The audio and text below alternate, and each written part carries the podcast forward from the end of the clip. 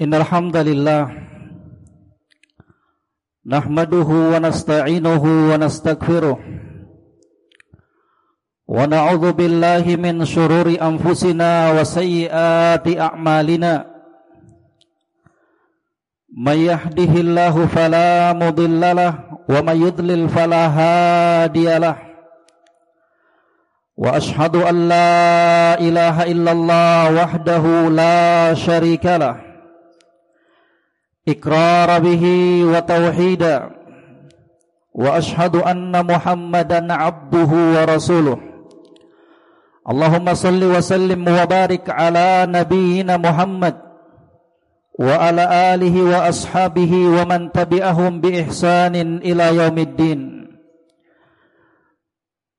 يقول ربنا عز وجل في كتابه الكريم يا أيها الذين آمنوا اتقوا الله حق تقاته ولا تموتن إلا وأنتم مسلمون. يا أيها الناس اتقوا ربكم الذي خلقكم من نفس واحدة وخلق منها زوجها وبث منهما رجالا كثيرا ونساء. واتقوا الله الذي تساءلون به والأرham إن الله كان عليكم رقيبا. يا أيها الذين آمنوا اتقوا الله وقولوا قولا سديدا. يصلح لكم أعمالكم ويغفر لكم ذنوبكم.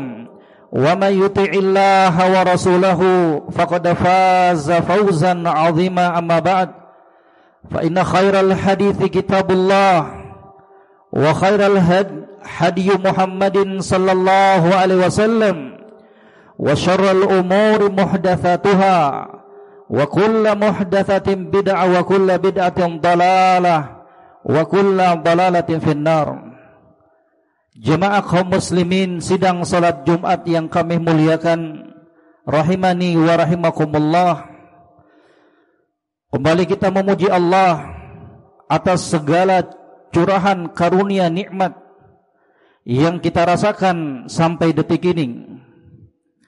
Kenikmatan yang tidak terhitung jumlahnya. Kata Allah Rabbul Alamin di dalam Al-Qur'anul Karim, "Wa atakum min kulli ma sa'altumuh wa in ta'uddu ni'matallahi la tuhsuha." Dan dialah Allah dialah Allah Rabbul Alamin yang telah memberikan apa saja yang kalian minta. Dan jika kalian mencoba menghitung-hitung nikmat Allah Subhanahu wa taala maka sungguh kalian tidak akan sanggup untuk melakukannya. Semoga salawat dan salam senantiasa tercurahkan kepada junjungan kita Nabi Muhammad sallallahu alaihi wasallam kepada para keluarga beliau, para sahabat dan orang-orang yang senantiasa mengikuti jejak beliau hingga akhir zaman kelak. Jemaah kaum muslimin sidang salat Jumat rahimani wa rahimakumullah berkata seorang penyair Arab thamaniyatun la budda minha 'ala al-fata wa la budda an tajri 'alaihi thamaniyah delapan perkara yang seseorang itu pasti dan pasti akan mengalaminya. Delapan perkara yang tidak akan mungkin seseorang lepas di dalam mengarungi kehidupannya di dunia ini. Sururun wa hammun wastima'un wa furqatun rasa bahagia dan kecemasan, pertemuan dan perpisahan, wa usrun wa yusrun, kemudahan dan kesulitan, thumma sukmun wa afiyah, penyakit, kemudian kesembuhan. Itulah perkara dari perkara-perkara yang akan kita lalui di dalam kehidupan dunia ini. Jemaah sekalian yang kami muliakan rahimani wa rahimakumullah. Tidak semua dari apa yang kita rencanakan, Tidak semua dari apa yang kita targetkan kemudian kita berhasil untuk meraihnya. Tidak semua apa yang kita inginkan kemudian bisa kita gapai. Tidak semua dari perkara di dalam kehidupannya kita berjalan sesuai dengan keinginan dan kehendak kita. Tidak semua di dalam kehidupan kita kita lalui dengan kebahagiaan terus menerus. Pastilah dalam kehidupan di dunia ini kita akan merasakan peristiwa yang pahit. Kita akan merasakan perkara-perkara yang tidak mengenakkan dirinya kita. Perkara-perkara yang tidak kita inginkan. Maka di situlah seorang hamba harus kemudian memperkuat keimanannya terhadap takdir Allah Subhanahu wa taala. Dan disebutkan oleh Al-Imam Ibn Al-Qayyim alaih rahmatullah dalam kitab beliau Al-Fawaid jilid yang pertama halaman 32 kata beliau memberikan tips dan nasihat untuk kita semua bagaimana menyikapi perkara-perkara yang tidak mengenakkan kita menghadapi perkara-perkara dan peristiwa pahit dalam kehidupan kita yang menyangkut diri kita keluarga kita harta kita Kata beliau, "Idza jara 'alal abdi maqdurun yakrahuhu falahu fihi sittatu masyahid." Jika seorang hamba mengalami perkara yang tidak mengenakkan dirinya, ketika seorang hamba menjalani takdir yang tidak mengenakkan untuknya, maka hendaknya dia memiliki enam sikap dan enam sudut pandang. Yang pertama kata beliau al-mashhadul awal. Sudut pandang dan sikap yang pertama mashhadut tauhid. Wa anna Allah huwa alladhi qaddarahu wa sya'ahu wa khalaqahu wa ma sya'a kana wa lam yasha' lam yakun. Tips pertama yang disebutkan oleh Al-Imam Ibn Al-Qayyim alaih rahmatullah kata beliau hendaknya seorang hamba memiliki sikap dan sudut pandang dari kacamata tauhid lihat pandangi jalani peristiwa yang tidak mengenakkan tersebut peristiwa yang pahit tersebut dari sudut pandang tauhid apa artinya bahwa apa yang kita alami dari peristiwa yang pahit dan tidak mengenakkan dirinya kita, keluarganya kita, hartanya kita, itu semua adalah perkara yang sudah ditakdirkan oleh Allah Subhanahu wa taala. Bahwa itu semua adalah peristiwa kejadian yang dikehendaki dan telah diciptakan oleh Allah Subhanahu wa taala. Bahwa apa yang dikehendaki Allah pasti dan pasti akan terjadi. Wa man lam yasha lam yakun. Dan apa yang tidak dikehendaki oleh Allah Rabbul Alamin walaupun semua manusia dan jin berkehendak maka tidak akan terwujud apa-apa yang mereka inginkan tersebut.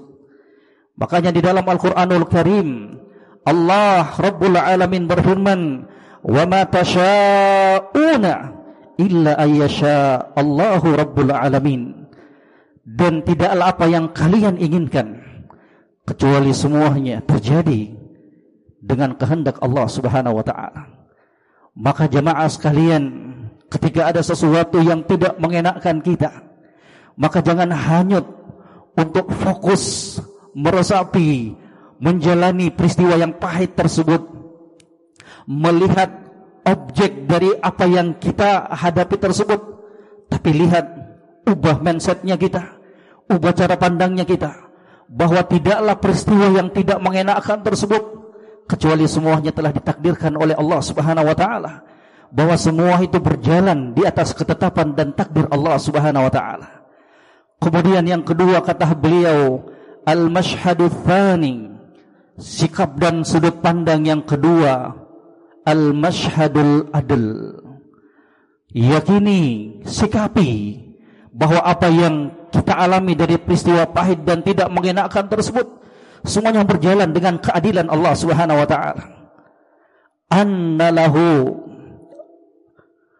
kata Al-Imam Ibnu Al-Qayyim rahimahullah taala apa yang telah terjadi tersebut di dalamnya berlaku hukum Allah Subhanahu wa taala.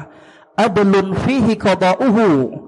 Dan apa yang kita rasakan dari peristiwa yang tidak mengenakan tersebut terdapat keadilan dari Allah Subhanahu wa taala. Sebelum menyalahkan orang lain, sebelum kita tidak bisa mengontrol kata-kata yang terkadang tidak bisa kita menguasainya, maka mari belajar untuk mengembalikan ke semua itu. Mari belajar untuk menyalahkan dirinya kita sendiri karena bisa jadi apa yang terjadi dan kita rasakan dari perkara yang tidak mengenakan tersebut disebabkan ulah dan perbuatan dirinya kita sendiri. Allah Rabbul Alamin tidak pernah mendalimi para hambanya na'udzubillah. Kata Allah Rabbul Alamin di dalam Al-Quranul Karim, "Wa ma rabbuka bidhallamin lil 'abid." Dan Rabb kalian sekali-kali tidak akan pernah untuk mendalimi para hambanya na'udzubillah sifat yang tersucikan Allah Subhanahu wa taala darinya. Kemudian di dalam surat Asy-Syurah juga Allah Subhanahu wa taala mengingatkan kita di dalam firman-Nya, "Wa ma asabakum min musibatin fabima kasabat aydikum wa ya'fu an katsir."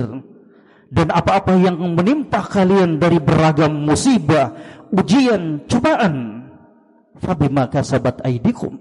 Bisa jadi kesemua itu dari perkara-perkara yang tidak mengenakan tersebut disebabkan ulah dan perbuatan diri kalian sendiri wa ya'fu an kathir dan dialah Allah yang telah memberikan pemaafan yang begitu banyak dari kesalahan, dari dosa dan kemaksiatan yang kita lakukan. Jemaah sekalian yakini bahwa apa menimpa kita dari perkara-perkara yang tidak mengenakan tersebut yakini bahwa itu semuanya berjalan di atas keadilan Allah Subhanahu wa taala. Kemudian yang ketiga kata beliau, al-mashhadu tsalits, sikap dan sudut pandang yang ketiga, masyhadur rahmah. Jalani, pandangi bahwa apa yang tidak mengenakkan tersebut semuanya dengan kacamata rahmat dan kasih sayang Allah Subhanahu wa taala. Bahwasanya anna rahmatahu bahwasanya rahmat Allah Subhanahu wa taala terhadap takdir yang tidak mengenakan tersebut ghalibatun li ghadabihi wa intiqamihi bahwa rahmat Allah Subhanahu wa taala terhadap perkara-perkara yang tidak mengenakan tersebut bahwa kasih sayang Allah Subhanahu wa taala terhadap apa yang kita rasakan tersebut itu lebih mendominasi terhadap kemarahan dan kemurkaannya. Di dalam Al-Quranul Karim kata Allah Rabbul Alamin, wa rahmati wasiat kulla syai'in dan rahmatku kata Allah Subhanahu wa taala mencakup segala sesuatu. Di dalam hadis yang diriwayatkan oleh Imam Bukhari dan Imam Muslim dalam sebuah hadis qudsi kata Nabi sallallahu alaihi wasallam menukilkan apa yang disebutkan oleh Allah Rabbul Alamin. Allah Subhanahu wa taala berfirman, "Wa rahmati sabaqat ghadabi dan rahmatku mendahului kemurkaan dan kemarahanku. Kemudian yang keempat jemaah sekalian, kata Imam Ibnul Qayyim alaihi rahmatullah, wa mashhadur rabi' mashhadu alhamd apa yang kita rasakan dari ketidaknyamanan dari peristiwa-peristiwa yang pahit tersebut maka kita yakini bahwasanya Allah Subhanahu wa taala selalu berhak untuk kita puji dan kita besarkan. Segala kondisi yang kita alami dari perkara-perkara yang tidak mengenakkan jemaah sekalian, maka mari belajar menjadi seorang hamba yang selalu memuji Allah Subhanahu wa taala dalam setiap kondisi dan keadaan. Mari rubah keluh kesahnya kita Mari ubah dan hentikan ucapan-ucapan yang seakan-akan tidak menunjukkan penerimaan kita terhadap takdir dan ketetapan Allah. Mari kita ubah kesemuanya itu dengan memperbanyak mengucapkan Alhamdulillah dalam kondisi mendapatkan kenikmatan ataukah mendapatkan ujian dan cobaan dari Allah Subhanahu wa taala. Mari belajar untuk senantiasa membasahi lisannya kita ketika mendapatkan ujian dan cobaan dengan ucapan alhamdulillah ala kulli halin Segala puji bagi Allah Rabbul Alamin dalam setiap kondisi dan keadaan. Bisa jadi di balik musibah tersebut, bisa jadi ujian dan cobaan tersebut merupakan sebab Allah Subhanahu wa taala meninggikan derajat kita. Bisa jadi di balik musibah tersebut kemudian Allah Subhanahu wa taala memberikan pengampunan terhadap dosa-dosa dan kemaksiatan yang kita lakukan kepadanya agar kemudian kelak pada hari kiamat kita berjumpa dengan Allah Rabbul Alamin tanpa membawa dosa-dosa lagi. Di dalam hadis yang sahih kata Nabi sallallahu alaihi wasallam, "La yazalul bala bil mu'min wal mu'minah fi nafsihi wa malihi wa ahlihi hatta yalqallah wa laysa alaihi khati'atun. Akan senantiasa ujian cobaan menimpa seorang muslim baik menyangkut dirinya sendiri keluarganya hartanya sampai dia bertemu dengan Allah Subhanahu wa taala tanpa membawa dosa dan kesalahan lagi. Kemudian yang kelima kata beliau masyhadul hikmah. Pandangi sikapi perkara-perkara yang tidak mengenakkan tersebut jemaah sekalian sikapi pandangi dari perkara-perkara yang tidak mengenakkan kita dengan pandangan hikmah bahwasanya Allah Subhanahu wa taala tidaklah menciptakan itu semuanya. Abad sudah Allah enggak ciptakan itu semuanya dengan sia-sia tanpa tujuan dan hikmah di dalamnya. Di dalam Al-Qur'anul Karim kata Allah Subhanahu wa taala ayahsabul insanu ayyutraka sudah apakah manusia menyangka mereka akan dibiarkan begitu saja? Demikian pula di dalam firman-Nya kata Allah Subhanahu wa taala apa hasibatum annama khalaqnakum abatha wa annakum ilaina la turja'un? Apakah kalian menyangka wahai para hambaku? Apakah kalian menyangka bahwa kalian diciptakan begitu saja dan kalian tidak akan dikembalikan kepada kami. Yakini, yakini, seyakin-yakinnya bahwasanya apa yang terjadi dalam kehidupan kita dari takdir dan ketetapan Allah Subhanahu wa taala pasti dan pasti ada hikmahnya. Kita ketahui ataukah tidak kita ketahui. Kemudian yang terakhir kata Imam Ibnu Al-Qayyim alaihi rahmatullah, masyhadul ubudiyah. Sikapi, pandangi jalani ujian dan cobaan tersebut dan takdir yang tidak mengenakkan tersebut dengan sudut pandang al-ubudiyah dalam artian kita ini hanyalah semata-mata hamba Allah Subhanahu wa taala. Kita semua adalah hamba Allah yang harus siap untuk diatur dengan hukum dan ketetapan Allah Subhanahu wa taala. Sebuah resiko, sebuah konsekuensi untuk hidup di dunia ini adalah menjalani apa-apa yang telah ditakdirkan oleh Allah Subhanahu wa taala. Aqulu qawli hadza wa astaghfirullah li wa lakum wa lisairil muslimina wal muslimat fastaghfiruh innahu huwal ghafurur rahim.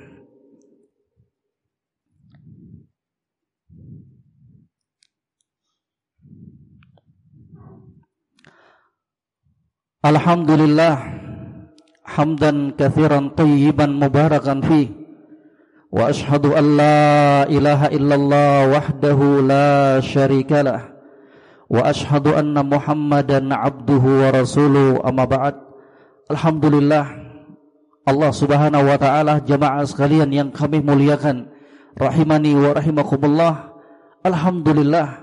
Allah memberikan hidayah kita untuk mengenal Islam ini.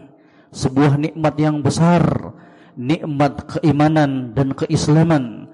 Dan yang lebih menakjubkan lagi bahwa dalam setiap perkara yang dialami yang dirasakan oleh setiap muslim dan muslimah itu adalah penuh dengan kebaikan.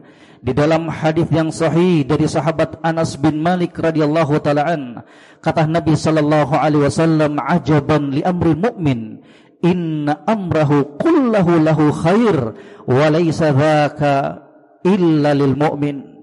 In asabathu sarra'u syakara fakana khairan lahu wa in asabathu dharra'u sabara fakana khairan lahu. Kata junjungan kita Nabi Muhammad sallallahu alaihi wasallam memberikan hiburan kepada kita memberikan dorongan kepada kita selaku umatnya Bagaimana kita bisa tampil sebagai seorang muslim yang selalu optimis di dalam kehidupannya kita.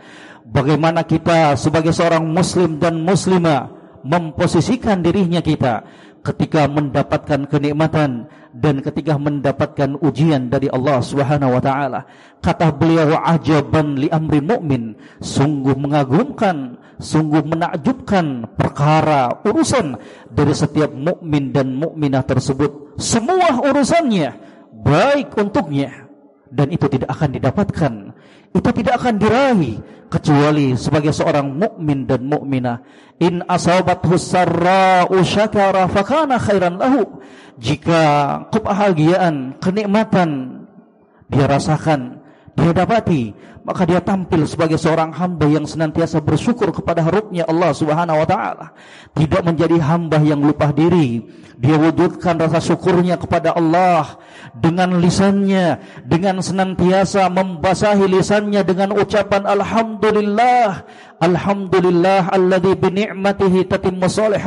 Dia wujudkan rasa syukurnya tersebut dengan hatinya, dengan iktirafnya dia, pengakuan dia bahwa segala kenikmatan yang dia rasakan murni-murni berasal dari Allah Rabbul Alamin. Wa ma bikum min ni'matin faminallah dan tidaklah ada kenikmatan yang kalian rasakan kecuali semuanya, semuanya berasal dari Allah Subhanahu wa taala. Dia wujudkan rasa syukurnya tersebut dengan anggota tubuhnya dengan terus melakukan pendekatan-pendekatan kepada Allah Subhanahu wa taala dengan beragam ibadah dan amalan kebaikan. Itulah sosok mukmin yang akan menakjubkan perkaranya, yang akan mengagumkan perkaranya. Ketika dia mendapatkan kenikmatan, dia tidak lupa diri, tidak menjadikannya lalai sebagai hamba Allah Subhanahu wa taala. Kemudian kata Nabi sallallahu alaihi wasallam, "Wa in asabathu dharra'u sabara fakana khairan lahu."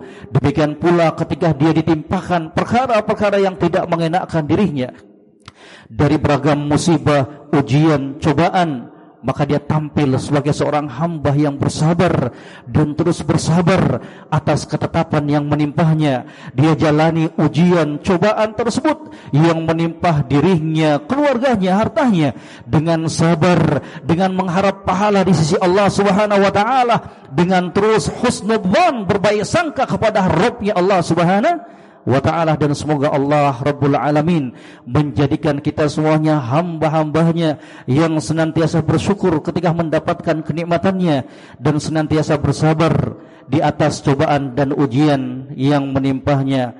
Yaqulu Rabbuna Azza wa Jalla fi kitabihi karim wa tazawwadu fa inna khairaz zadi taqwa. Allahumma Allahumma fir lil mu'minina wal mu'minat wal muslimina wal muslimat al ahya'i minhum wal amwat innaka qaribun mujibud da'awat Allahumma a'izzal islam wal muslimin wa adhil syirka wal musyrikin wa damir a'da'ad-din Allahumma inna nas'aluka al-huda wat tuqa wal afaf wal ghina. Allahumma rabbana zalamna anfusana wa illam taghfir lana wa tarhamna lanakunanna minal khasirin. Allahumma inna nas'aluka ilman nafi'an wa rizqan tayyiba wa amalan mutaqabbala Allahumma rabbana atina fid dunya hasanah wa fil akhirati hasanah wa qina adzabannar wa akhiru da'wana anil hamdulillahi rabbil alamin